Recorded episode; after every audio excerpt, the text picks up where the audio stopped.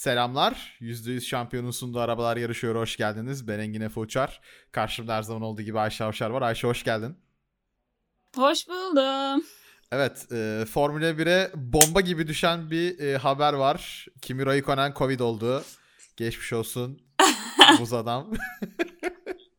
yani... Bu şakayı ne zaman düşünmüştün Efe? ya yaklaşık 10 saniye önce falan geldi aklıma.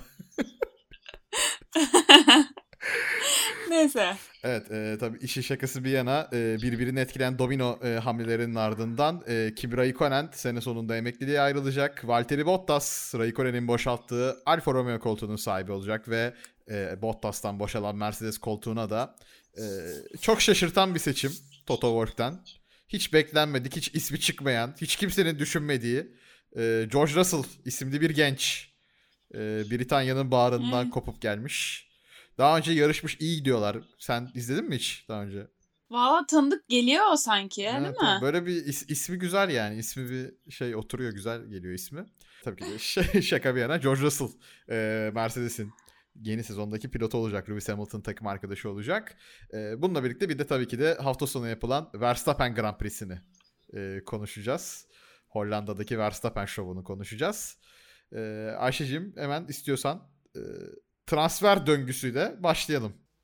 Tabii ki. Ee, öncelikle Raikkonen'le ilgili başlayayım. Raikkonen gerçekten hani Formula 1'de iz bırakan pilotlardan biri oldu. Bununla ilgili Leclerc de aynısını söylemişti. Yani hani bir sürü insan gelip gidiyor Formula 1'e ama hepsi iz bırakamıyor dedi. Kesinlikle kimi iz bırakanlardan biri.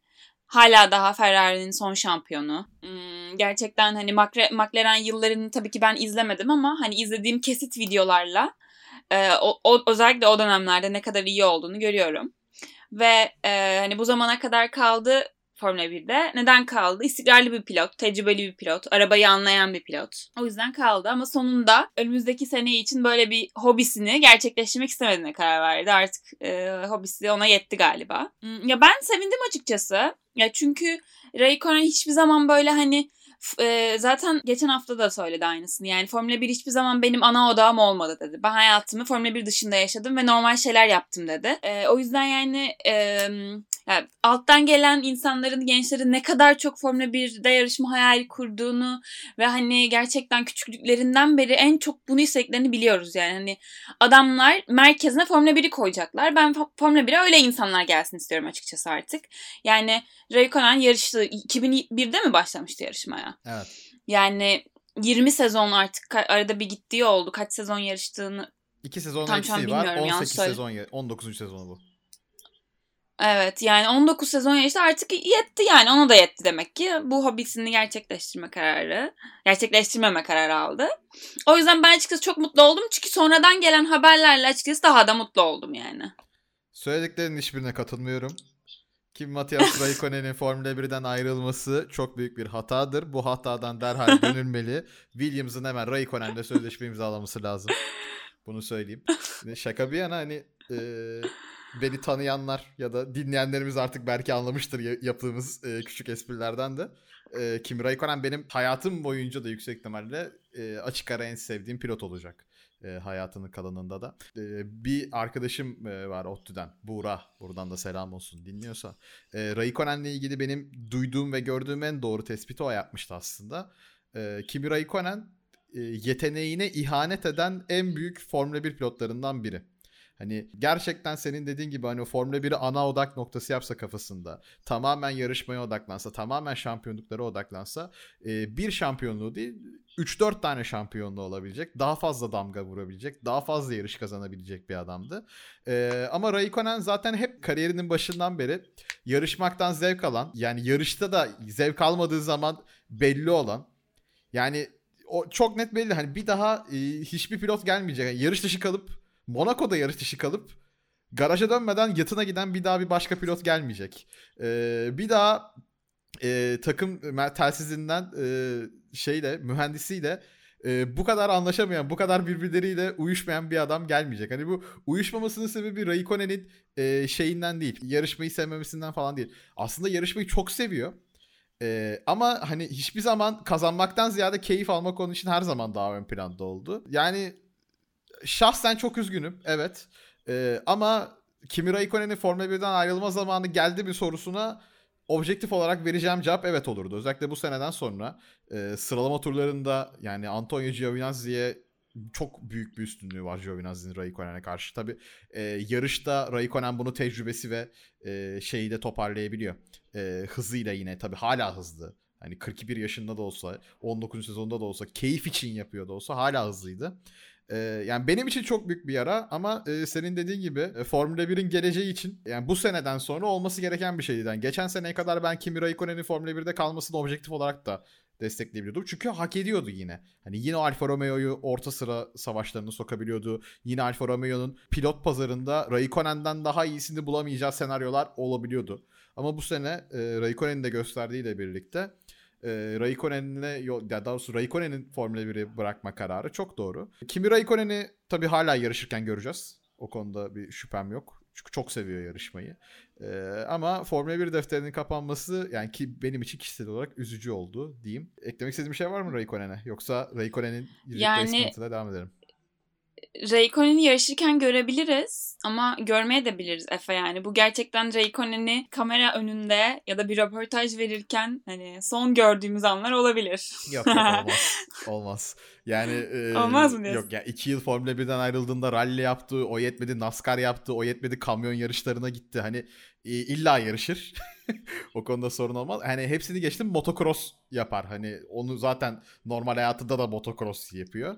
Ee, yani illa yine görürüz. Ha, olmadı 10 yıl sonra Kimi Raikkonen'in Robin Raikkonen'in yanında e, destek serileri padağında görmek de e, çok e, yüksek ihtimalimiz var Raikkonen'i ro, oğlu Robin'in yanında görmeyi. Robin de zaten sürekli araba üstünde annesinin e, storylerinden takip ettiğimiz kadarıyla. E, yani Raikkonen'i oralarda da görebiliriz. O yüzden e, ben hem yarışırken de hem baba olarak da Raikkonen'i gelecekte göreceğimizi düşünüyorum. O zaman e, geçelim Raikkonen'in varisine. E, bir Finlandiyalı gitti, bir başka Finlandiyalı geliyor. Valtteri Bottas 5 yıllık Mercedes macerasının ardından e, Alfa Romeo ile birlikte Formula 1'de kalmaya devam edecek. E, tabii Bottas'ın önünde konuşulanlara göre iki seçenek vardı. Hani Russell'ın yerine Williams'a e, gidebilirdi. Mercedes'ten ayrıldığı e, senaryoları konuşacak olursak şu anda. Ya da Alfa Romeo'yu tercih edecekti. E, tercihini Alfa Romeo'dan kullandı ki e, Bottas'ın zaten dün çıkan haberlerde de gördük. Frederic Vasseur ile e, Alfa Romeo takım patronuyla e, iyi ilişkiler olduğunu da e, biliyoruz. E, ne diyorsun Bottas'ın e, seçimine? Tabii Mercedes'in onu bırakma kararından sonra gidebileceği iki yerden birine gittiğini söyledik. Alfa Romeo sence doğru tercih mi Bottas için? Yani bence kesinlikle doğru tercih. Ya Mercedes Bottas'la devam etme kararı alsaydı bile ben Bottas'ın düşünmesi gereken bir şeydi. Yani ben hala daha Mercedes'te ne yapıyorum? Yani neden Mercedes'teyim? Hani ikinci pilot olmak için mi Formula 1'e geldim? Ya da hani bir altıncı kez daha Hamilton'a yenilmek istiyor muyum? Yani bunları bir düşünmesi lazım. Çünkü hani hepimizin gözünde artık hani Bottas tamamen e, memurluk görevini yerine getiren, tabii ki e, takımdaki yeri çok büyük ve bu kadar fazla şampiyonluk alınmasında yani hep Hamilton'ın da dediği bir şey var yani onsuz yapamazdım diyor. Ama hani hiçbirimiz ya bilmiyorum Bottas hayranı ben tanışmadım mesela hani hani gerçekten ama şunu da bize hatırlatması lazım. Buna ilgili ben tweet de attım. Hani Mercedes e, Bottas'ı başta takıma aldıysa bunun bir sebebi vardı. Hani Williams'la yaptıklarını çok önemliydi ve gerçekten çok değerliydi. O yüzden aldı. Ama biz bunları artık hani unuttuk yani. yani o tamamen artık e, şeye Hamilton'a yenilen, işte arada bir pol alan, e, podyuma çıkan düzenli olarak istikrarlı bir pilot sadece. Bunu artık hani kendisi de düşünmeli, düşünmeliydi ki belki de düşündü zaten böyle bir karar aldı. E, hani artık vakit gelmişti. Mercedes'in ayrılma vakti gelmişti onun. Tabii ki de Russell e, karar almasaydı Bilmiyorum devam eder miydi ama ben ya açıkçası Bottas adına çok sevindim. Çünkü Alfa Romeo'da da iyi yapacağını düşünüyorum. Çünkü Alfa Romeo yani bu sene de arabaları belki daha e, çok şey vaat ederek başladı ama çok geliştiremediler. Şu anda o kadar iyi bir arabaları yok. Ama önümüzdeki sene için hani oyun oyun kartları herkesin önünde açık şekilde duruyor. O yüzden güzel şeyler yapabileceğini Alfa Romeo'da düşünüyorum açıkçası. Ya en azından o üstünde bir ölü toprağı var yani çok uzun süredir. Hani hepimiz artık sıkıldık yani bundan onu atıp işte güzel performanslara imza atabilir yani. Kesinlikle yani Valtteri Bottas'ın artık e, bir kan değişimine ihtiyacı vardı kendisi için ona katılıyorum ama hani Mercedes devam etmek isteseydi yüksek ihtimalle Bottas devam ederdi. Çünkü bu sporda şu anda yarış kazanabilecek 4 tane e, araç var. Ve hani her ne olursa olsun hani Hamilton'da yeniliyor olsanız bile e, yarış kazanmak, pole pozisyonu için savaşmak e, aslında sizin pilot olarak e, en fazla önemsediğiniz şey olmalı. Yani şu anda Carlos Sainz'a bir Mercedes mesela yani aklıma ilk o geldi. Bir Mercedes teklifi gelse Ferrari'deki ortamını bırakıp Mercedes'e gider miydi? Bence giderdi. Ya da ben olsam yani ben orta sıralarda yarışan bir pilot olsam kendim olarak düşünüyorum. Ben de giderim. Çünkü dediğim gibi ben şu anda Formula 1'de yarış kazanma potansiyeli olan 4 tane araba var ve bu arabalardan birine oturmak sizi direkt potansiyel olarak yarış galibi ya da hepsini geçtim en azından her yarışta bir podyum şansınız var. Ki Formula 1 yarışında podyuma çıkmak öyle hani abi her elini sallayan da çıkıyor gibi olan bir şey değil. Bakınız Nico Hülkenberg yani adam 190 yarış yarıştı. Bir tane pole pozisyonu var kariyerinde. Ee, o yüzden hani Bottas devam etmek isteselerdi bence devam ederdi. Burada George Russell'ın o e, önlenemez yükselişi biraz daha Bottas'ın sonunu hazırlayan bir şey oldu. Ee, ama senin dediğine katılıyorum. Bottas'ın üstünde çok büyük bir tırnak içinde memur algısı oluştu Mercedes kariyeriyle. Valtteri Bottas 2016'da Nico Rosberg emekli olduğu zaman e, orta sıralardan hani geçen seneki Red, Perez'in Red Bull'a geçişi gibi üst takımlarda bir boşluk açıldığı zaman en doğal adaylardan biriydi. Hatta en doğal adaydı Valtteri Bottas Williams'da gösterdikleriyle. Çünkü hızlı bir adam ve hızlı olmasından çok daha önemli bir şey var. Formula 1 pilotlarının e, çoğunluğunun genelde başarmak istediği bir şeydir bu. Valtteri Bottas gerçekten istikrarlı bir pilot. Hani en kötü gününde bile olsa, en iyi gününde bile olsa ne alacağını bildiğiniz bir pilot. Burada Kaan Kural'ın tabirine gireceğim biraz. Tavanı çok yüksek değil belki evet ama tabanı da sizi bir yere kadar götürecek, takımlar şampiyonasında istikrarlı konuma getirebilecek bir isim. Ya Alfa Romeo gibi bir takımın Valtteri Bottas'ı alması çok büyük kazanç bir kere. Yani gridin arka sıralarındayken bu kadar istikrarlı bir pilot sizi bu kadar yine üst taraflarda e, puan savaşına sokabilecek bir pilot almanız çok yerinde bir karar. Bottas için de dediğim gibi e, bir kan değişikliğine ihtiyaç vardı kesinlikle. E, ama Mercedes'in devam etmek isteseydim Bottas'ın Mercedes'te kalmak isteyeceğini düşünüyorum ben. Yani Bottas'ın aldığı bir karar değil bu. Mercedes tarafından Hı-hı. alınan bir karar olduğunu düşünüyorum.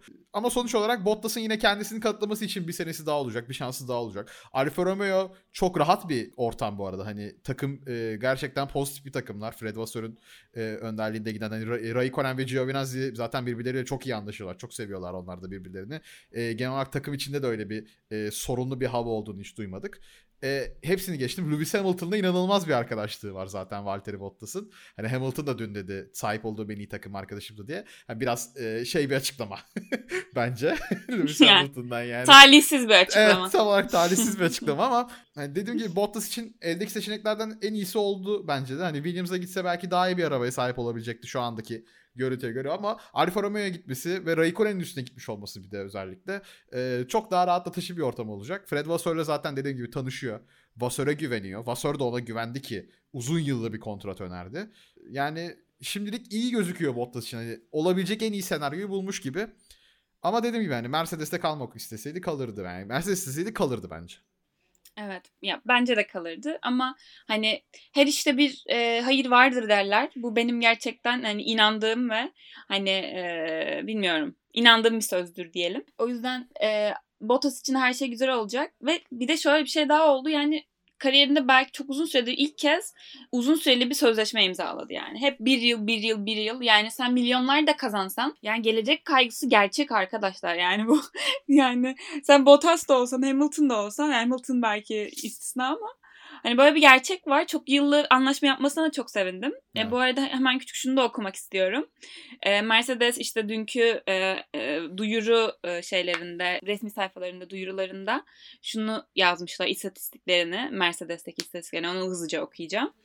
E, toplam 92 yaşa çıkmış. Buna ben baktım. E, bunu yazmamışlardı. E, 9 kez yarış kazanmış. 54 kez podyumda bitirmiş ve 17'de pole pozisyonu almış. Hmm, pole pozisyonu hiç fena değil bence diye düşünüyorum ki Hamilton gibi bir adamla e, yarışırken. Bunu da küçük anekdot olarak söyleyelim. Evet Finlilerle 15 dakika yedik.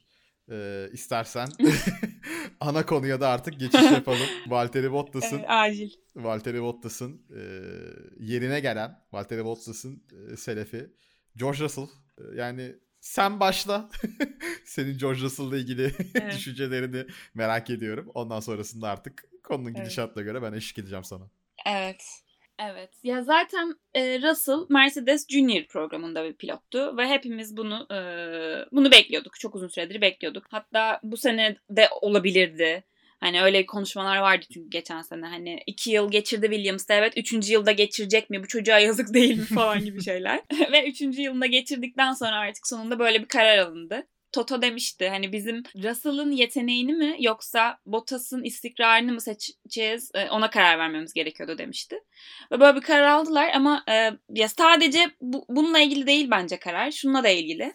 Hani sonuçta Hamilton evet bu takımın dünya şampiyonu ve yani birden fazla dünya şampiyonu çok önemli bir yeri var ama bu adam da 1-2 yıl sonra gidecek. Yani bu adamın 5 yılı daha yok yani ve Mercedes'in de bunu düşünmesi gerekiyor.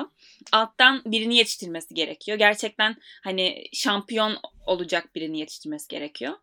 O yüzden bence hani tam zamanında bu sene olsaydı biraz erken miydi vesaire derdim ki Mercedes her zaman böyle daha güvenilir oynayan bir takım. Daha böyle risk almayan bir takım.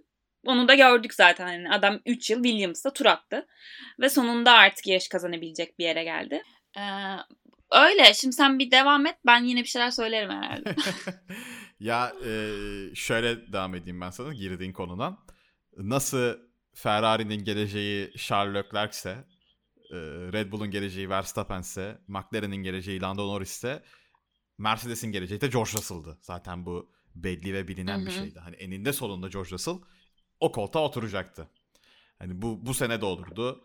2022'de olurdu. 2020'de olurdu ama yani senin söylediğin gibi post Hamilton dönemi, Hamilton sonrası dönemde Mercedes'in bir numaralı yıldızı George Russell olacak. Ee, bunun zamanlanması önemliydi geçiş olarak.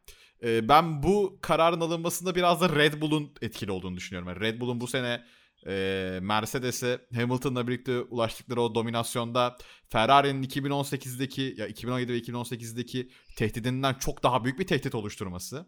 Mercedes'in şampiyonluklarının biraz daha riske girmiş olmasıyla e, Mercedes'in hani evet Bottas bize çok güzel hizmet etti. Hani takımlar şampiyonluğunu çok rahat garantiliyoruz. Hamilton'ın şampiyonluğu çok rahat garantileniyor gibi bir düşüncede Bottas'la devam etmek çok daha mantıklıydı.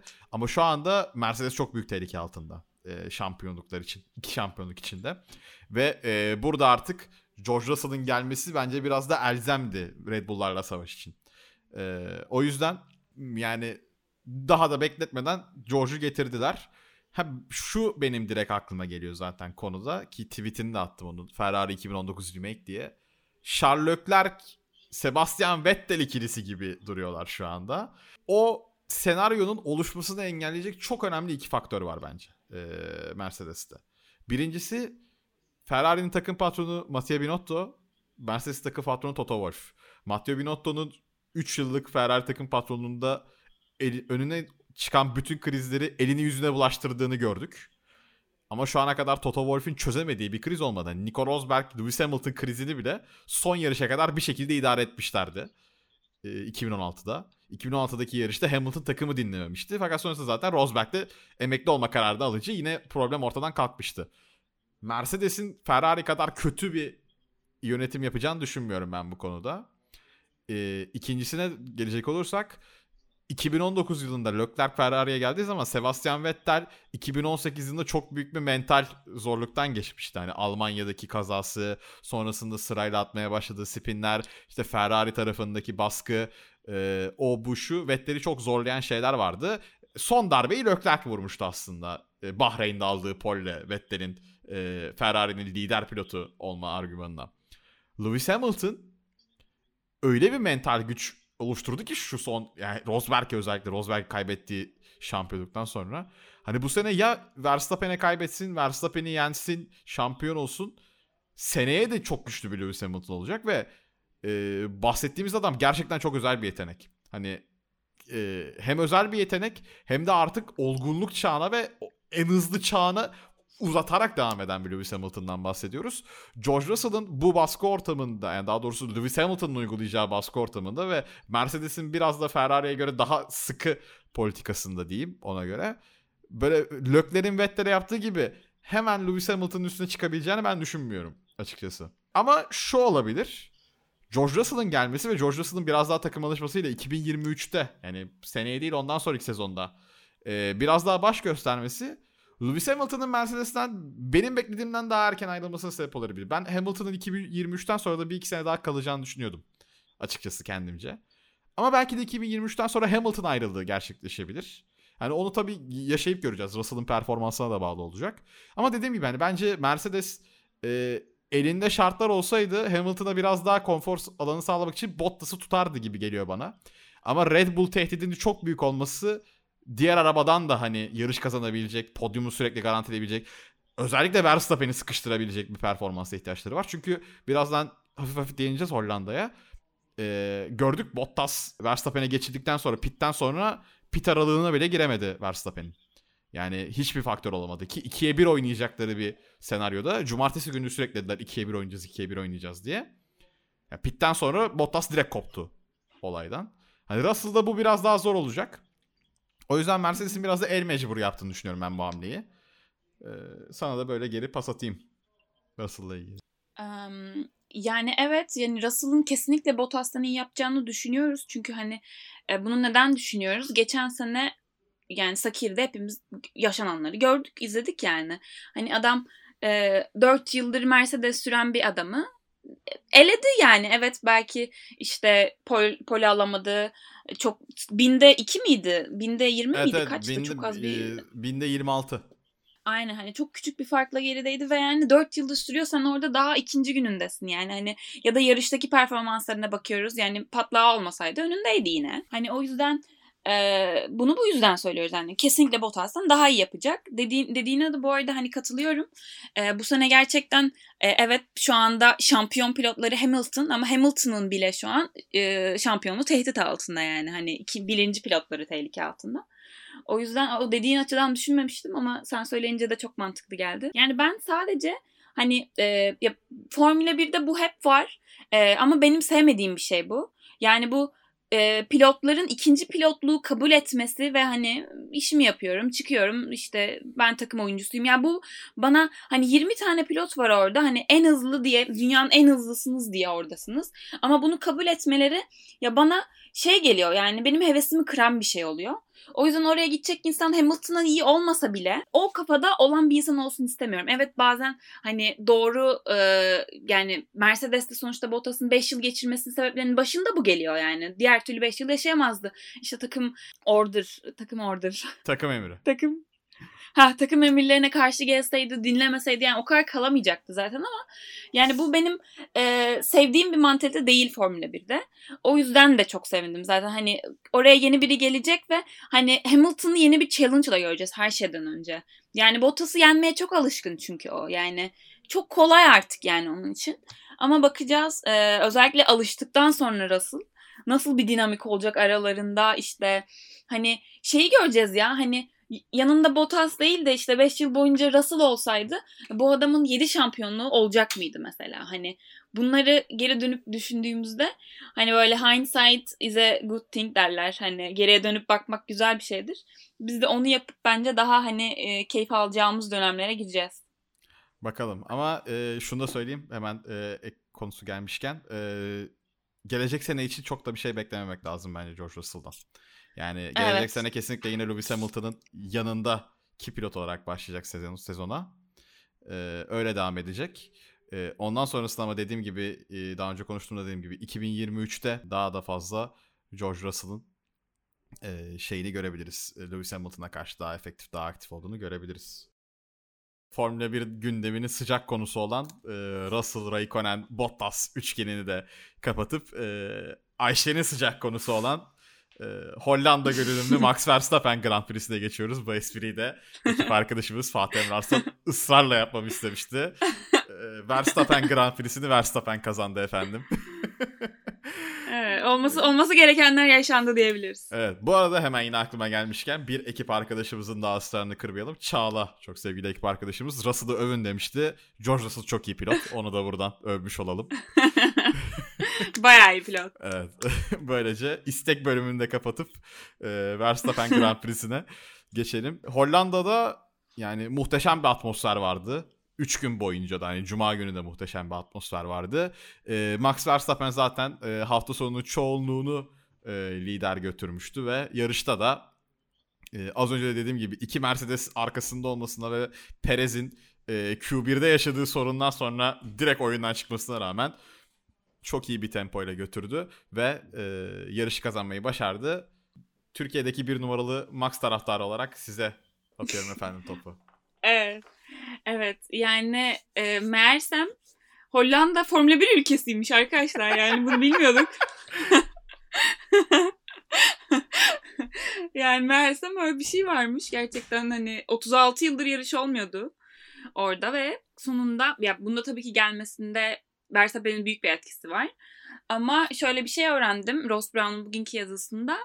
E, Dutch Grand Prix e, şey değilmiş, hükümet desteğiyle gerçekleşen bir organizasyon değilmiş. E, hani özel artık hangi zengin bunu destekliyor bilmiyorum ama öyle bir şeymiş ve gerçekten hani ya bilmiyorum. Bundan sonra devlet de destekler herhalde diye düşünüyorum. Çünkü oraya giden herkes e, hani çok güzel yorumlar yaptı Twitter'da okuduğumuz kadarıyla, dinlediğimiz kadarıyla. Hani atmosferden işte şey diye bir yorum okudum. Yani yarış olduğunu hani Zandvoort'a yarım saat kal yarım saat mesafede bile anlıyordunuz. Yani çünkü her yerde bayraklar, her yerde Max yazıları zaten tabelalar değişti biliyorsun yani 33 ile falan. Hani acayip bütün bütün ülke Max'in arkasındaydı ama gerçekten bu hani her pilotun yaşayabileceği bir şey değil kendi ülkenizde yarış kazanmak.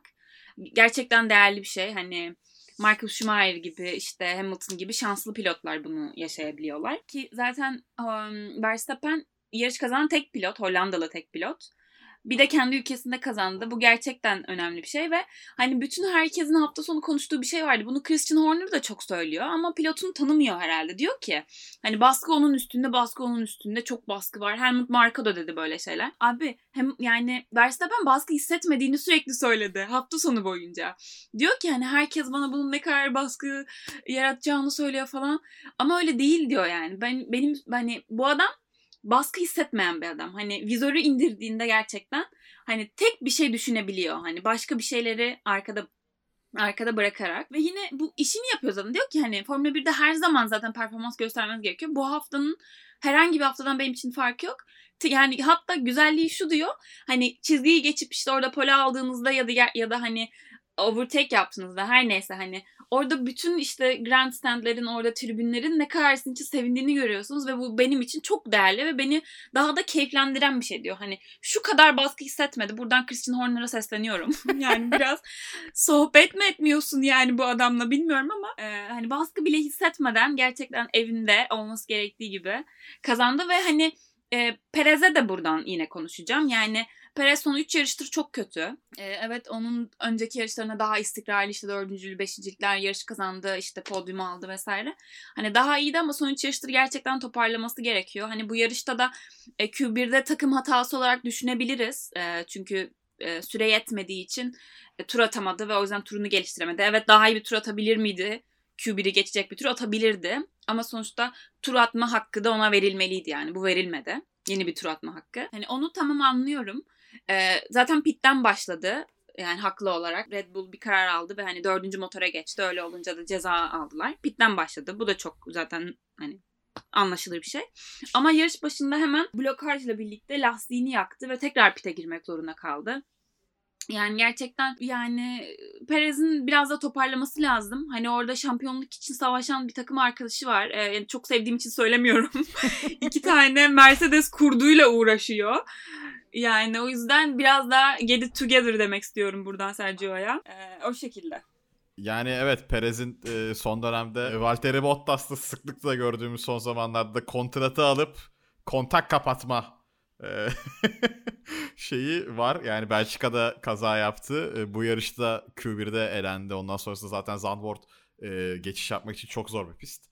Hani orada da yükselebildiği kadar yükseldi ama e, takım savaşında gerçekten şu son iki yarışta Red Bull e, çok fazla zarar gördü Perez e, açısından. E, yani o toparlanabilir yine şu anda. Yani Valtteri Bottas'ın da artık Mercedes'te son 9 yarışta nasıl performans vereceği muam, e, muammada olduğu için e, herhangi bir şey olabilir ama ben sadece şey konusunda değinmek istiyorum. Yani Hollanda Grand Prix'si e, Max Verstappen gibi bir adam olduğu için zaten Formula 1'e döndü ve e, şu anda Max Verstappen Hollanda'nın en büyük süperstarı olabilir. Yani. DJ'lerden sonra belki. Tabii evet, DJ'lerden sonra ama yani Hollanda'daki en büyük spor figürü Max Verstappen olabilir şu anda. Yani bütün halk gerçekten senin söylediğin gibi arkanda. Hani Alonso'nun yarış sonundaki telsiz mesajı gayet her şeyi özetliyor. Turuncu bir sis var sanırım Verstappen kazandı. Hani bu e, bu zaten hani Hollanda'da şov yapılması için gelmişti ve e, senin dediğin gibi ben de ona katılıyorum. Ben Max'in hiç baskı altında olduğunu düşünmedim hafta sonu boyunca. Çünkü hem kendinden çok emindi hem arabasıyla çok rahattı. Yani DRS'sini bir sorun yüzünden aşamadı. Ama DRS aşmamasına rağmen turunu geliştirip pol pozisyonu aldı. Hani araba olarak zaten yine üstündü e, Hamilton'dan da. E, gayet de güzel bir galibiyet aldı. Hani Max Verstappen'in o hep söylediğimiz, hep konuştuğumuz şampiyonluk yarışındaki tecrübe eksikliği, kumaşının olması ama tecrübe eksikliği konusunda bu hafta sonu gösterdiği dominasyon çok etkileyiciydi. Yani bu galibiyet Max'i gerçekten önümüzdeki yarışlarda biraz daha hırslandırmış, biraz daha gaza getirmiş olabilir. Tebrik ediyorum kendisini. Yani cidden Verstappen yarışını Verstappen kazandı.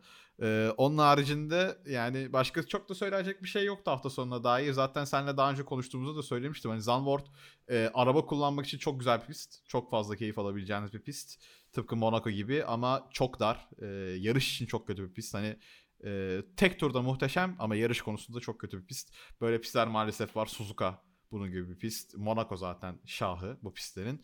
Ee, o yüzden hani gelecekteki Zandvoort'taki yarışlarda Hollanda GP'lerinde yine böyle çok sıkıcı yarışlar görebiliriz. Ee, onu şimdiden söyleyelim. Hani seyircilerimiz, seyirci diyorum dinleyicilerimiz o konuda hani çok da fazla umutlanmaya gerek yok ama hani Max Verstappen'in yarışı kazanmaya iddiasının olduğu her yarışta Hollanda'da çok büyük bir görsel şölen olacak. Ee, zaten onu izlemek bile yine Formula 1'i neden sevdiğimizi bize tekrardan tekrardan hatırlatıyor. Evet yani önümüzdeki sezon için de kesinlikle benim çok fazla hani yarışın kendisi olarak büyük bir beklentim yok. Çok eğlenceli olacak işte geçiş üstüne geçiş göreceğiz falan gibi. Ben de asla düşünmüyorum. Ama şöyle bir şey olabilir önümüzdeki sene. Hem zaten arabalar değişiyor, küçülüyor işte yarışı geliştirmek için adımlar atıldı. Hem de belki sen de hatırlayacaksındır böyle yarış başlayan yani yarış hafta sonu başlamadan 2-3 gün önce Formula 1 şey hani normalde son virajda da DRS olacaktı. Hani DRS son virajdan başlayacaktı ve hani öyle gelecekti. Ama işte oradaki eğim var hani o eğimle ilgili data yok takımlarda hani güvenli mi vesaire gibi onu son dakika iptal ettiler. Önümüzdeki sene muhtemelen orayı da DRS bölgesine ekleyecekler. Hani DRS bölgesinin uzamasıyla hani daha bir tık daha gelişir ama acayip gelişen bir şey bir yarış olmaz diye düşünüyorum ben de. Bir de ben şunu söylemek istiyorum yani insanlar Perez'i seçmişler driver of the, günün sürücüsü olarak, günün pilot olarak. Yani anlamıyorum gerçekten. Yani adamın takım arkadaşı yarış kazandı. Bu yani en hızlı arabaya sahip ve bırakın da geçsin yani McLaren'de geçiversin yani hani. hani anlamıyorum. Benim benim yani günüm sürücüm kesinlikle Alon yani Verstappen'i saymazsam Alonso. Yani bu Her Alonso nasıl bir pilot? Önce bir o konuda her koşulda. Benim de Raikkonen yarışmadı ama bence Raikkonen yani. Aynen öyle. Yani Alonso gerçekten hani e, takım arkadaşının arkasında başladı. İlk turda yine iki kişiyi geçti. Hatta son turda bir de Sainz'i geçerek altıncı oldu. Yani e, ya müthişti. Hani ilk turdaki kişiyi geçmesi hatta tek virajdaki kişiyi geçti neredeyse. Yani Russell'ı ve şeyi geçti. Russell mıydı? G- Giovinazzi, Ocon ve Giovinazzi, ha, Ocon ve Giovinazzi'yi geçti. Aynen. Ama orada da şöyle bir şey var. Hani üçüncü virajda geçiyor orada. Eğimli virajda geçiyor. Eğimli virajda girmeden önce açıp baktım. Verstappen zaten pol turunda bile o üst çizgiden yani dışarı çizgiden highline diyorlar hani üst çizgiden almış şeyi Tabii. virajı. Öyle pol almış. Hamilton yani şeyde Alonso zaten oradan geçiyor. Yani en hızlı yer orası zaten. Hani en iyi momentumu orada yakalayabiliyorsunuz. Aynen öyle. Ama nedense pilotlar aşağıdan geçmeye karar vermişler. Alonso da durur mu? Atlamış yukarı. Geçmiş iki insanı. Yani gerçekten Alonso'ya da bir ufak parantez açmak istedim burada. Yani o eğimli virajlarda zaten üst nokta her zaman daha hızlıdır ki e, işte NASCAR e, yarışlarının Indy 500'ün o oval yarışlarında en e, şey kısmı hani 300'lü sürekli sola dönerek gideceksin. Ne kadar yukarıya çıkabiliyorsun? Hani senin cesaretin ne kadar aslında bunu ölçmek e, oradaki konu. Alonso da zaten cesaret hı hı. yetenekle birlikte en önemli iki şey. Tebrik ediyoruz buradan. Ee, hazır Raikkonen günün pilotu demişken aklıma geldi Robert Kubica'yı da tebrik edelim. Ee, kariyerinde bir evet, Formula 1 evet. yarışı daha ekledi. E, Polonya parası çok tatlı bir şey. Tebrik ediyorum buradan kendisine. Ee, zamanımızı da bayağı açtık. Yine bir azar yiyeceğiz biz prodüksiyonumuzdan ama konular uzun. Yapacak bir şey yok. Bu haftalık bizi affedecekler. Eklemek istediğim bir şey yoksa konularla ilgili hemen hızlıca İtalya için tahminlerimizi yapalım. Ve sonra bakalım. Evet İtalya için tahminim Verstappen, Hamilton, Bottas podyum ya yine.